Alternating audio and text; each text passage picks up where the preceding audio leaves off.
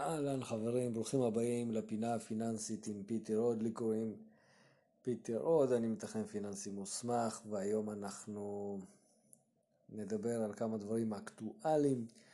מי שלא מכיר אותי בפודקאסט הזה, אני מדבר על כסף, אקטואליה, השקעות, תכנון פיננסי, קצת עסקים, אנחנו לומדים לעשות אה, כסף בשורה התחתונה והרבה ממנו.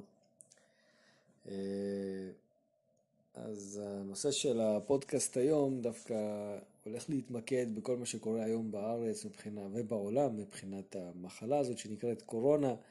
אני בטוח ומאמין שכולכם שמעתם עליה, כולכם נחשפתם לדבר הזה שנקרא קורונה, ובטח יש לכם מלא שאלות, ואני רוצה לדבר על זה, כי כמעט בכל מקום שאני נמצא מדברים על זה, מה עושים.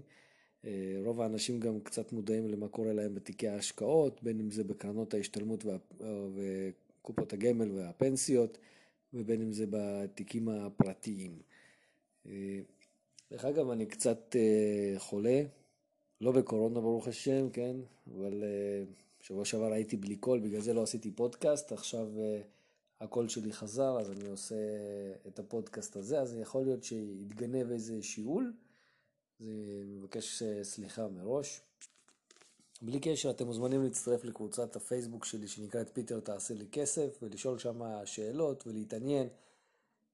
אה, יש שם הרבה דברים אה, מעניינים, לדעתי, כן, ואני רואה גם השתתפות של אנשים, אנחנו קבוצה שגדלה כל הזמן. כל הזמן יש לנו מצטרפים חדשים שנכנסים ולאט לאט אנחנו נהפוך להיות קהילה משמעותית עם דריסת רגל מאוד מאוד חזקה פה בארץ בכל מה שקשור לפיננסים בכסף. אז אה, בואו נדבר על הדבר הזה שנקרא קורונה ומה המשמעויות. אה, אם שמתם לב בימים האחרונים מה שקורה הוא שתיקי השקעות בארץ ובעולם חווים איזושהי תנודתיות, תנודתיות שהיא לא נעימה. עכשיו למה זה לא נעים? כי בסופו של דבר מפסידים כסף, אנשים מפחדים. מוכרים. אה, יש הרבה סחורה שבעצם מבחינת המניות שנזרקת החוצה, כי אנשים מעדיפים תמיד במשברים כסף מזומן בכיס. כסף מזומן בכיס תמיד היה אה, העדפה של האנשים, כי אה, מתוך נקודת הנחה שאם קורה משהו אז אני מעדיף שיהיה לי כסף בכיס כדי לשרוד, לחיות, לצרוך, בין אם אתם יודעים, פעם אנשים היו מטיילים עם זהב, היום מטיילים עם כסף מזומן, או אשראי, או בכלל, ועדיין לכסף המזומן יש אה, משמעות מאוד מאוד חזקה מבחינת האנשים, ולמזומן בסוף יש כוח, זה שיש לך כסף בבנק, או לך, זה לא מעניין אף אחד, השאלה היא מחר כמה את יכולה להוציא ולהשתמש, כי כסף מדבר, לא מה שיש לך בבנק, כי מה שיש לך בבנק לא הולכים לסופר בסוף. הולכים לסופר עם כסף מזומן. למה אני אומר את זה? כי מחר יכול להיות משבר ברמה כזאת שכל האנשים ירוצו לבנק למשוך כסף. במקרה כזה, אה, מה שהיסטוריה אומרת, כן, מבחינת מה שקרה בעולם, בכל מיני משברים, כשכולם רצו לבנק, הבנק פשוט סגר את השלטר, ואנשים לא יכלו לקבל את הכסף שלהם. זה בדרך כלל מה שקורה במשברים. לכן כסף מזומן תמיד עדיף על כל דבר אחר. ובגלל זה אנחנו גם רואים במשברים הרבה מאוד אנשים מוכרים את התיקים שלהם וכדי לה, להנזיל את, את ההשקעות שלהם. שדרך אגב כשאנחנו מסתכלים על אה, איפה אנחנו משקיעים את הכסף, אני תמיד אומר את זה לאנשים כשמחליטים להשקיע רק בנדל"ן, אחת הבעיות בנדל"ן שנדל"ן הוא לא נזיל, זאת אומרת אני לא יכול להיפטר ממנו בלחיצת כפתור כי אני לא יודע עד כמה ניסיון יש לכם עם נדל"ן למשל, אבל נדל"ן עד שאתם מוכרים ועד שמעבירים בעלות ועד שחותמים על הסכמים לוקח לפעמים שבועות ואפילו חודשים עד שכל התהליך הזה נגמר. סליחה. אז uh, צריך לקחת את זה בחשבון, אנחנו צריכים שיהיה לנו הכל בתיק ההשקעות, גם נדל"ן, גם מזומן, גם השקעות uh, אלטרנטיביות וגם השקעות במניות ואגרות חוב. אבל uh, אסור לנו להתמקד רק במשהו אחד. חשוב שיהיה לנו כל מיני סוגים, כי נגיד כמו היום במשבר כזה, במידה וח... ונגיד ותרצו לממש את כל התיק כדי להנזיל, כדי לקבל כסף מזומן, אז נדל"ן הוא בעייתי, אי אפשר להנזיל אותו מיד. אז אנשים מעדיפים בסופו של יום כסף מזומן. ובכל מיני שיחות עם חברים, ובין אם זה בפורומים ובכל מיני מקומות, אני שומע את אותה השאלה, מה עושים? מה עושים עם כספי הפנסיה, קרנות השתלמות, כי לא תמיד אפשר להוציא אותם.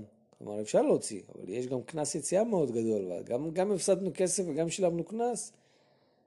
אז אה, אני רוצה להביא אתכם רגע למצב שאתם תחשבו כמו וורן באפט. וורן באפט אחד המשקיעים הכי גדולים באנושות שלנו היום, אה, בעולם, כן, בן בחיים הבן אדם, הוא משקיע, הוא עשה מיליארדים בחיים שלו, שווה הרבה מאוד כסף, הוא עושה השקעות בטווח הרחוק והארוך, ועושה תשואות מאוד מאוד יפות, והוא אומר תמיד את אותו הדבר.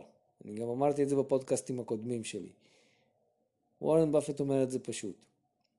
כשכולם מוכרים אתם חייבים לקנות, כשכולם קונים אתם חייבים למכור. עכשיו זה לא אומר שאתם חייבים לקנות עכשיו. אוקיי? זה לא אומר שאתם עכשיו צריכים להיכנס לשוק ולקנות מניות כמו מטורפים. ממש לא. רוב הציבור היום מנזיל, רוב הציבור היום מוכר וזה גורם לירידה בשווי המניות. אני אגיד לכם, אני הייתה לי מניה שאני סתם קניתי לא מזמן מניה, לפני כמה חודשים קניתי מניה ב-200 שקלים. מקרה אמיתי. אחרי כמה ימים המניה הזאת ירדה ל-170, עלתה ל-280 והיום היא 190 שקלים.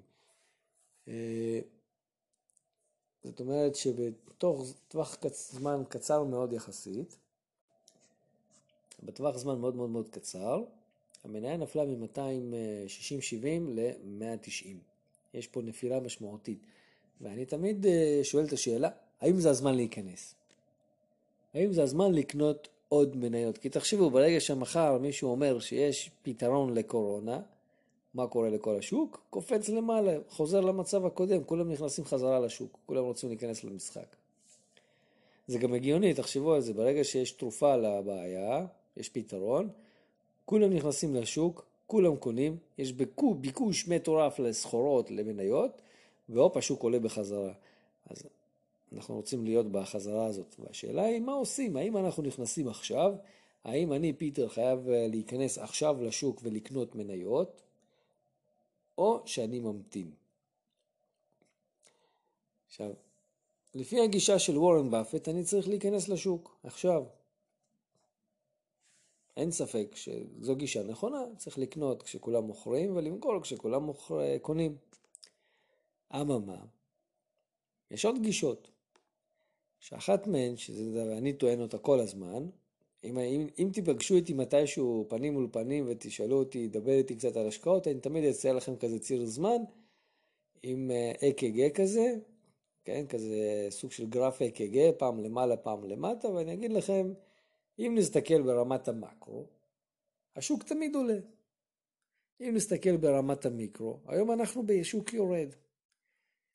אממה, אנחנו לא יודעים האם הוא הגיע לתחתית שלו, או שיש לו עוד לאן לרדת.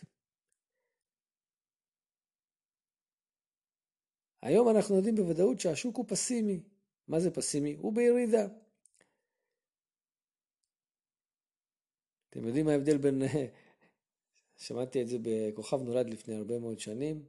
אחת המתמודדות אמרה, מה ההבדל בין פסימי לאופטימי? הפסימי אומר, זהו, הגענו לתחתית, האופטימי יגיד, אל תדאג ידידי, יש לנו עוד לאן לרדת. וזו בדיוק הבעיה, אנחנו לא יודעים האם השוק הגיע לתחתית שלו מבחינת הירידות, כן, הוא הפסיד 7, 8, 9 אחוז כבר, או שיש לו עוד לאן לרדת. עכשיו אני רוצה להסב את תשומת לבכם לסיטואציה הזאת של קורונה, היא התחילה ממש ממש ממש לאט. היא התחילה באזור נובמבר כזה, התחילו שמועות, התחיל דיבור בסין שקרתה איזושהי מחלה. ולקח מלא זמן, אנחנו היום במרץ, לקח הרבה זמן עד שזה השפיע על השוק. זאת אומרת שהאנשים לא נבהלו מאוד ולא נלחצו מזה מאוד מאוד מהר, לקח להם זמן. כי האמינו שזה זמני, כי הרבה מאוד אמונות, כלומר השוק אמנם כרגע הוא ירד, אבל לקח לו זמן לרדת, מלא זמן. עכשיו, אנחנו לא יודעים באמת אם הירידה הזאת היא כבר סופית. אני רוצה לקחת אתכם למשבר של 2008 ולמשבר של שנות האלפיים עם הדוט קום. משבר 2008 היה בועת הנדל"ן. בשנות האלפיים היה את משבר הדוט קום הזה של ההייטק, ולפני זה היו משברים נוספים. ברוב המשברים האלה השוק ירד הרבה יותר מחמישה-שבעה אחוזים. במצטבר השווקים ירדו באותן תקופות, במצטבר, כן? כמה עשרות אחוזים. ב-2008 לצורך העניין זה הסתכם בכ-40-50 אחוזים. וזו ירידה לא קטנה, זו ירידה משמעותית. זה לא אומר שאנשים הפסידו 40% מהכסף, כן? כי זו ירידה מצטברת, כל יום ירד קצת, במצטבר זה לא ירד 40%, זה ירד באזור ה-15% במצטבר בטוטל. 15-20%, כן? סדר גודל. אבל במצטבר, כשכל יום זה ירד עוד אחוז, עוד 3%, עוד 4%, עוד 5%, זה הגיע ל-40% וזה נשמע מלא. ואנחנו לא רוצים להיות במצב הזה, לכן אנחנו לא יודעים אם השוק הגיע לתחתית. עכשיו, מה אנחנו צריכים לעשות ב- בימים כאלה, שהשוק, אנחנו עדיין לא יודעים אם הוא הגיע לתחתית? האם אנחנו צריכים למכור את כל התיק שלנו, האם אנחנו צריכים לשנות מסלולי השקעה, או להיכנס לשוק, לקנות מניות, או לצאת מהשוק? אז ראשית אני אתחיל שאתם צריכים לקבל כמה שיותר מידע כדי לדעת לקבל החלטה טובה. זאת אומרת שזה שאתם מקשיבים לפודקאסט שלי זה נפלא, זה מגניב, זה מחמיא לי מאוד וזה טוב. אממה, תיכנסו לעיתונות הכלכלית ותתחילו לקרוא ולהתעניין. אתם לא יכולים לקבל החלטה על סמך פודקאסט אחד או ייעוץ אחד של מישהו ששמעתם. מה גם שפודקאסט הזה בכלל לא נחשב ייעוץ, ואין להסתכל עליו כייעוץ, אלא להסתכל עליו כמשהו שפותח לכם את האופקים של החשיבה. ולמה זה חשוב? כי ככל שיהיה לכם יותר מידע, אתם תוכלו, אתם תוכלו לקבל החלטה מושכלת יותר. להיכנס עכשיו לשוק זה אולי נשמע לכם הדבר הכי חשוב והכי חכם לעשות. אני יכול להסכים איתכם על הדבר הזה. מצד שני, לא בהכרח, נגיד אם אני הייתי במקומכם, לא הייתי מכניס עכשיו אולי את כל הכסף שלי לשוק. כי אני לא יודע אם השוק הגיע לתחתית. אם אני עכשיו אשים 100 אלף שקל במניות, ומחר אומרים שאין פתרון לקורונה, השוק נופל במלא אחוזים, הוא ייפול לפחות ביום אחד בעשרה אחוזים השוק. אני מבטיח לכם, אם יגידו מחר שאין תרופה לקורונה, בום, השוק נופל בעשרה אחוזים, כמו כלום. למה אני אומר רק עשרה אחוזים? כי כל מנגנוני ההגנה של שוק ההון, הם, יש עצירת מסחר במקרים כאלה של נפילות חדות מאוד. אז יעצרו את המסחר כמה פעמים, ואז ידחו אותו לעוד כמה ימים עד שאנשים יתעשתו על עצמם ויבינו מה קורה פה. אז לא הייתי שם את כל הכסף, הייתי שם אולי חלק. הייתי מנסה לתפוס אה, את הגישה שאומרת לעבוד לפי עקרון הממוצעים. עקרון הממוצעים אומר שהיום אני קונה בעשרה שקלים, מחר אני קונה בשמונה. זה אומר שקניתי בטוטל ביומיים האלה ב-18 שקלים. זאת אומרת שהמחיר קנייה הממוצע שלי הוא 9 שקלים ולא 10 שקלים ולא 8 שקלים. אתם מבינים? עקרון הממוצעים. הוא עובד בשני הכיוונים. זאת אומרת שמה שאני לפחות ממליץ לעשות, ומה שאני הייתי עושה, אם הייתי עכשיו במצב של לקנות מניות, הייתי קונה כל יום טיפה.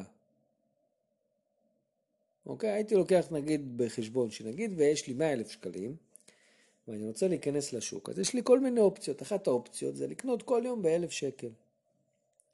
נכון, יש מס קנייה, שזה העמלות שאנחנו צריכים לשלם על הקניות האלה, ועדיין. המטרה שלי פה זה להרוויח מחיר, ממוצע, מחיר קנייה ממוצע נמוך. כי ככל שהשוק ימשיך לרדת, אז המחיר קנייה הממוצע שלי יהיה משמעותית נמוך יותר. לעומת זאת, אם אני אקנה עכשיו את כל, בכל המאה אלף שקל, נגיד 100 מניות, שכל מניה עלתה לי אלף, ומחר השוק יורד בעשרה אחוזים, אני מפסיד מלא כסף. עשרת אלפים שקלים זה מלא כסף. ואז כל ההשקעה שלי תהיה שווה פחות. אז לא הייתי עושה את זה. מה שכן הייתי עושה זה לקנות כל פעם כמות קטנה, כל פעם בחבילות קטנטנות כאלה, אולי לא קטנטנות, תלוי בכמה כסף יש לכם, אני לא מכיר את הסיטואציה שלכם, אבל זה מה שהייתי עושה. זו לדעתי הדרך הטובה ביותר להתמודד עם משברים, כל פעם לקנות קצת. או מנגד, אם אתם יש לכם, אתם יודעים, אומץ, ואתם יודעים שאתם יכולים לסחוב עכשיו נפילה של 10%, 15% בלי בעיה, תקנו הכל במכה אחת ותשכחו מההשקעה הזאת. אה, ואולי תוך אה, כמה שנים אתם תגלו יום אחד שעשיתם כמה מיליונים טובים או כמה מאות אלפי שקלים כמו כלום בקלי קלות. אין, אה, אתם יודעים, אין פתרונות קסם. בשוק ההון זה, מצד אחד הימור, ומצד שני זה גם תכנון. אנחנו לא יודעים לתזמן את השוק, אנחנו לא יודעים מה יהיה מחר. אבל אם אנחנו ניצמד לעקרונות המימון וההשקעות, בצורה הקרה ביותר, שזה אומר להחליט, להשקיע כל פעם במנות כלשהן, בין אם זה קטנות או גדולות, או להשקיע ולשכוח, כמו שאומר וורן באפט. אז uh, יש סיכוי שתצליחו. מחקרים מראים שמי שמנסה לתזמן את השוק, הוא פשוט לא מצליח, הוא מפסיד כסף. לעומת זאת, מי שמשקיע ושוכח. או משקיע ברמת, ה... לפי עקרון הממוצעים, עקרון הממוצעים, שכל פעם קונה מנות, מצליח הרבה יותר טוב מאלה שמנסים לתזמן את השוק. קחו את זה בחשבון חברים. זה פשוט עובד. שימו לב, מי שב-2008, כשהשוק ירד, הוציא את כל הכסף שלו, הפסיד את כל העליות של 2009, 10, 11, שהיו עליות מטורפות אחרי זה. הפסיד. מי שהכניס כסף עשה מיליונים. אני ממליץ לכם לראות את הספר שנקרא מכונת הכסף. ממליץ לכם בחום לראות את הסרט הזה. זה אחד הסרטים שמדברים על מה היה במשבר הכלכלי של 2008, ואיך אה, אחד האנשים שם שזיהה את הבעייתיות עשה מזה מיליונים. מאות מיליונים, חברים. אנחנו אף פעם לא יכולים לתזמן את השוק, אבל אנחנו כן יכולים לפעול בחוכמה ולקבל החלטות על בסיס המידע שיש לנו. עכשיו, אין מה לעשות, אנחנו לא יודעים אם ההחלטה טובה או לא טובה, אבל בגלל זה אמרתי לכם, תלמדו את התחום, תקראו חומר, תקשיבו לעוד פודקאסטים, אה, תראו מה אומרים כל מיני אנשים, כל מיני בעלי השקעות, תקראו קצת סקירת מיקרו, מקרו של כל מיני חברות. בכל חברת השקעות שתיכנסו, אתם יכולים למצוא סקירת מקרו. מה הם חושבים על הכלכלה העולמית. אם תיכנסו לסקירות מקרו של השבוע האחרון, אתם תראו מלא סקירות שמתייחסות למחלה. שנקראת קורונה, ואיך זה משפיע על השווקים, על הסחורות, על הריביות. יש פה הרבה הרבה הרבה הרבה דברים שאתם יכולים אה, ללמוד ולקחת. וזה לא יעבוד בלי זה, כן?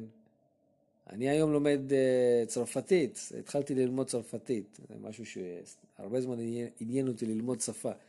ואין מה לעשות, אני לא יודע, אני לא יודע צרפתית בלי שאני אתרגל, בלי שאני אלמד, בלי שאני אחשף למידע נוסף בתחום הזה. ככה זה גם שוק ההון. זה לא יעבוד אם אתם לא תיחשפו למידע, לא תחפשו מידע, לא תתעניינו. זה הכסף שלכם, אתם חייבים להיות שם. עכשיו אני רוצה לבוא איתכם רגע לנושא של הפנסיות. דרך אגב, אם יש לכם שאלות, אני מזמין אתכם להצטרף לקבוצת פיטר תעשה לי כסף בפייסבוק, או להתקשר אליי ל-03-632-8880, תשאלו אותי חופשי, כל שאלה אני אענה לכם בכיף. אני מעדיף שזה יהיה בפייסבוק, ואז ככה גם כל הקהילה שלנו תראה את השאלה הזאת, אתם יכולים לשאול אותה גם בצורה אנונימית. אני לא יודע מי, מי שואל את השאלות האלה, אם זה באנונימי, אבל אני מעדיף שתשאלו את זה באופן פתוח בקבוצת הפייסבוק, שגם האנשים יראו את זה, ואולי גם יוכלו לענות לכם בכיף, ולתת לכם מידע, ומהניסיון שלכם, בקבוצה הזאת יש מקום לכולם, גם בעלי מקצוע, גם אנשים פרטיים. יש גם סוכני ביטוח, יש יועצי השקעות, יש אנשי מיסים, יש עורכי דין, יש כמעט הכל שם. יכולים לתת לכם את כל התשובות, את כל המידע, גם מניסיון אישי וגם מניסיון מקצועי. אז תבואו לקבוצה. פנסיות, מה אנחנו עושים עם הפנסיות? שאלה סופר מעניינת, אה, ולדעתי אנחנו לא צריכים לעשות כמעט כלום בפנסיות. מה זה כמעט כלום? לצערי, אם אתם תרצו להוציא פנסיות, פיצויים, קרנות השתלמות לפני הזמן, אתם תשלמו הרבה מיסים. על הפיצוי משלמים באזור 40 ומשהו אחוז, על הפנסיה משלמים 35 אחוז, דרך אגב זה 35 אחוז מס שולי, אה, סליחה, 35 אחוז או מס שולי הגבוה מבין השניים. ובגלל שזה הגבוה מבין השניים, פה אני דווקא כן מרשה קצת אה, להמר ולנסות לתזמן את השוק, כי פה אנחנו לא יכולים בעצם להחליט מה לעשות. אה, אנחנו לא יכולים להחליט איזה מניות לקנות, אלא אם כן אתם מנהלים את זה באופן אישי, אבל אנחנו כן יכולים לשנות מסלולי השקעה. עכשיו, לא הייתי רץ לשנות ל-100% מניות כרגע, כי שוב, אנחנו לא יודעים אם אנחנו כבר בתחתית או לא, אבל כן הייתי ממליץ להסתכל על זה ולהסתכל לא רק על הפנסיה, אלא להסתכל על כל הרכב הנכסים שלי, כולל הכל, גם תיק השקעות, גם נדל"ן, הכל, הכל, הכל, הכל, הכל. להסתכל על זה כתמונה אחת גדולה של ההשקעות, זה התיק ההשקעות האישי שלכם שהוא כולל נדל"ן, כולל תיק השקעות פרטי, כולל מזומן, כולל אלטרנטיבי וכולל גם את הפנסיות שלכם. אוקיי? תסתכלו על הכל כמקשה אחת. אתם צריכים להחליט איזה כסף אתם מסכנים, איזה כסף אתם לא מסכנים. אני כבר יכול להגיד לכם שאת הכסף הפנסיוני, למרות שזה כסף פנסיוני, יותר קל לסכן. למה? כי זה כסף שהוא סגור בגלל נושא המיסים שיש בו. אנחנו לא יכולים לקחת את הכסף הזה. הוא ממוסה. לכן, אם יש לכם תיק השקעות פרטי ופנסיות, אז עדיף שהתיק הפנסיוני שלכם יהיה בכמה שיותר חשוף למנייתי, למסלול למנייתי, ותיק השקעות הפרטי שלכם, שהוא הוני בעיקרו, שיהיה חשוף לכמה שיותר אה, סולידי, אוקיי? אני יודע שאולי זה נשמע לכם קצת מוזר, אבל זה מה שאני ממליץ אישית לעשות. כי התיק הפרטי שלי הוא חשוף. אני יכול למשוך אותו במיידי, המס היחיד שאני אשלם עליו זה מס רווחון ועלות מכירת תיק. ובפנסיות, אם אני ארצה למכור את הפנסיות ולצאת עם הכסף, אני אצטרך גם לשלם מס, או 35% מס או מס שולי הגבוה מבין השניים. כלומר, חוץ מההפסדים שיהיו לי שם, אני גם אשלם מס. ובגלל שהחיסכון הפנסיוני שלי הוא לטווח ארוך, אם אתם צעירים זה טווח של 20-30 שנה, אין שום בעיה לשים את כל החיסכון הפנסיוני שלי במסלול כמה שיותר מנייתי. עכשיו, אמרתי לכם בתחילת הנושא שלא הייתי שם כרגע את הכל למסלול מנייתי, ואני אסביר למה אמרתי את זה. אם לא הייתם במסלול מנייתי 100%, אל תשימו את כל הכסף ישר ב-100% מניות, כי אם השוק מחר ממשיך לרדת, אתם אוכלים כאפות, אתם מפסידים כסף, אתם, אתם תאכלו סרט על הדבר הזה. זה ישגע אתכם, אתם תתעצבנו, ואז תעבירו הכל לסולידי עוד הפעם, זה בעצם ממה שאתם עשיתם מימוש הפוך, הפסדתם כסף. אבל מה כן אפשר לעשות? רוב, רוב קרנות הפנסיה, תוכניות פנסיוניות, קרנות השתלמות, קופות גמל, ביטוחי מנהלים, אתם יכולים לבחור מסלולי השקעה. לפצל ביניהם.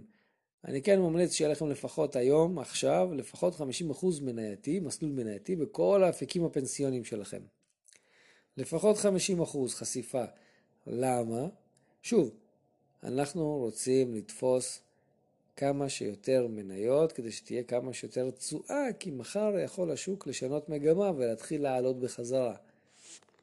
זה המשחק, זה הסוד, ככה עושים כסף חברים, לא יעזור שום דבר אחר. אנחנו מנסים סוג של לתזמן את השוק על ידי שימוש בעיקרון הממוצעים. עכשיו, אנחנו לא באמת מנסים לתזמן את השוק, השוק לא מעניין, מה שמעניין אותנו זה כמה אנחנו קונים ומתי.